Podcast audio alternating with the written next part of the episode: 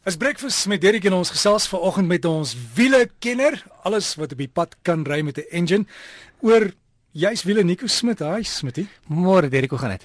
Met my altyd voor die wind. Um ek het altyd 'n spaarwiel in my motor. Ek het hom nou baie lank lank nodig gehad. Toe sê hulle wees net dankbaar. ja. Maar dis waar ons gaan gesels vandag. Wanneer moet jy jou wiel ruil en hoe moet jy die wiel ruil? Hoe moet jy die wiel ruil en hoe jy dit veilig kan bind? Baie mense jy moet binne afstand van 'n snelweg gewees. Dis die groot dis die groot ding is is die veiligheid. So kom ons begin by stap 1 Derek. Wanneer laas het jy gekyk na die banddruk in jou spaarwiel? Ek kyk gereeld na my huis reg.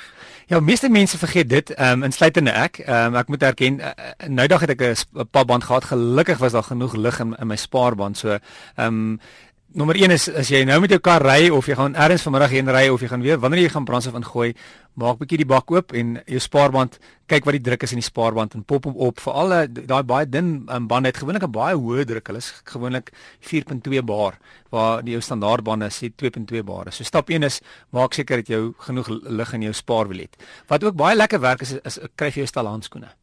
Want as jy as jy gaan is 'n uh, 'n uh, papband omruil, uh, baie maal as die band warm, die band is vuil, so dit maak net maak en jy moet nog verder ry, nie nog water om jou hande mee te was nie. So 'n stel handskoene um, wat jy dit mee kan doen is is is baie goedkoop om te kry en maak die lewe baie maklik. Jy praat hier van gewone tuinhandskoene. Gewone tuinhandskoene, enige iets wat wat wat wat jy net ehm um, ehm um, enige iets nie te dik wees nie, ehm um, maar net enige tipe handskoen sal gaan gaan die werk vir jou baie goed doen.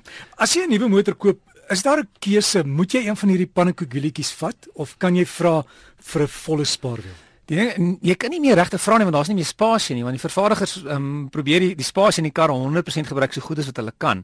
En as jy 'n groter spaarband het dan verloor jy bakspasie. So hulle gaan jy het nie meer regte min vervaardigers kan jy doen. Meeste vervaardigers sê jou spaarband is hierdie pap pannekoekband en dis wat jy ag hierdie klein pannekoekband dis wat jy kry. Baie vervaardigers sê nie eers hulle papry bande, so jy het nie eers 'n spaarwiel nie. So baie maal is dit nie eers 'n opsie nie. So dis nogal iets om te oorweeg en as jy baie ver ry of lang afstande doen, kan jy dan by die vervaardiger 'n spaarband koop of 'n 'n pannekoekband koop. Ehm um, as dit 'n probleem is wat 'n uh, maklike manier om dit op te los is, ek dink dit klink nou snaaks, is 'n dakrak.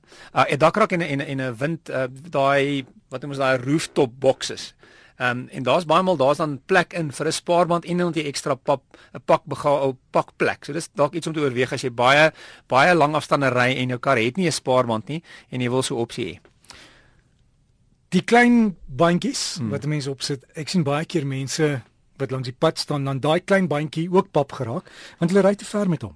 Ja, dis um, die die spoed is so 80 km/h wat jy met met hom maksimum maksimum 80 km/h en jy die idee is dat jy moet hom so gou as moontlik omruil. So jy moenie te lank wag terwyl hom omruil. So die idee is en, en dit is en dis 'n goeie ding van daai bandjie. Dit lyk nie baie goed nie. So gewoonlik wil jy dit so gou as moontlik doen. Wat baie maal gebeur is as jy 'n uh, standaard band het, dan ruil jy hom om, die band gaan agter in die in die, in die kattebak en jy vergeet van die band.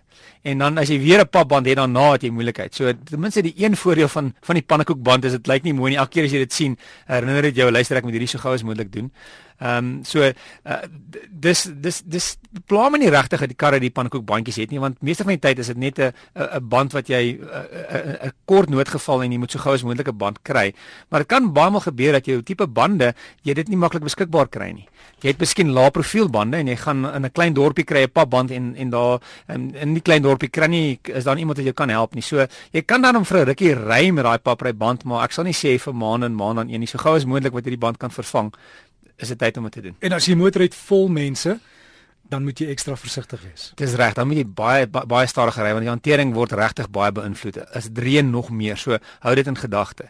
Die groot ding en jy het vroeër daarvan gepraat is veiligheid en dis die groot ding wat mense nie in ag neem met 'n papband nie is jou veiligheid. So die eerste ding is as jy band pap is, so ver as moontlik van die pad af. Baie maal mense stop net op die skouer net van die geellyn af en is baie gevaarlik want in baie maal uh, hou me, gaan mense links sodat ander voertuie regs kan verbygaan. Ek weet dit gebeur byvoorbeeld baie in die Vrystaat. Ehm um, so wees versigtig daarvoor want as jy dan net op die skouer staan veral dan na na 'n draai ehm um, kan dit baie gevaarlik wees. So waar jy kan moet jy regtig so ver as moontlik van die pad aftrek. Ehm um, die volgende ding is jou passasiers. Almal uit die kar, so ver as moontlik weg van die kar. So die mense as iemand anders jou help, jy het nie nodig om 20 mense daar te staan om jou te help nie. So as iemand anders jou help, sien hom maar dat julle is twee van julle, die res van die mense weg van die kar. Staan weg, staan in die veld ergens, wag dit tot klaar gebeur. Jou driehoekie, ek weet nie of jy al gesien het, die mense sit die driehoek so 10 meter agter die kar. as, dit dit help niemand niks nie. Jy jy, jy nou regtig net jou tyd gemors. Wat gebeur as teen 120 uh, is die spoed wat jy beweeg 33 meter per sekonde. As jy goeie reaksietyd het, is dit 1 sekonde. Met ander woorde, nadat jy 33 meter beweeg het, gaan jy gaan jy die gevaar sien en dan gaan jy rem. Gewoonlik het ons nie goeie reaksietyd nie want jy's besig om te ontspan.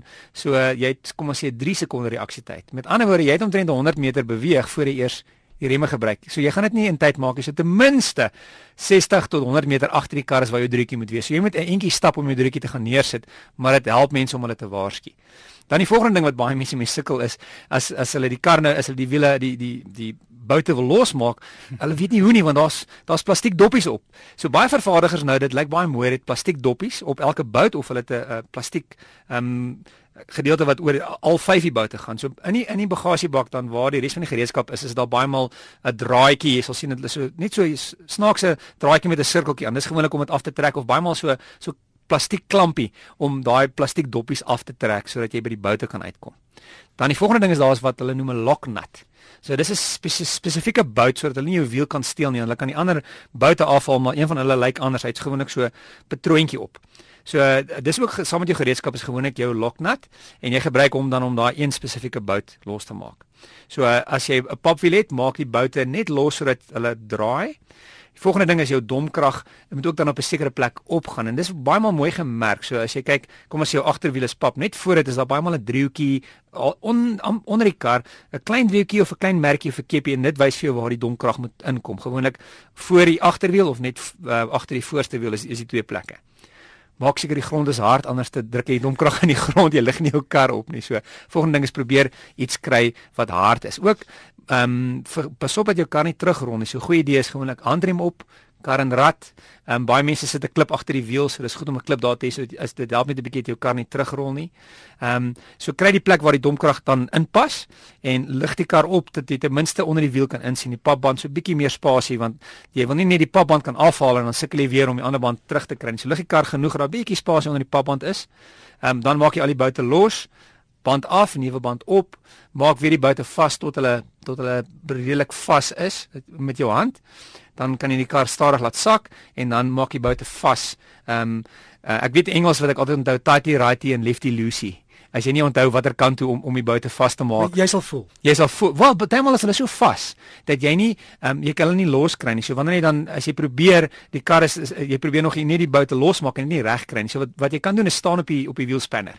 Maar onthou jy moet aan die regte kant staan. So kyk eers tighty righty lefty loosey om om te onthou watter kant toe om hom vas te maak of los te maak. En baie maal as jy dan op uh, maak seker die druk om genoeg in en as jy dan 'n bietjie gewig op hom sit, is dit is dit 'n manier om los te kry. So as al die buite vas is, al die gereedskap terug, gaan haal jou driehoek en onthou die klip agter die wiel.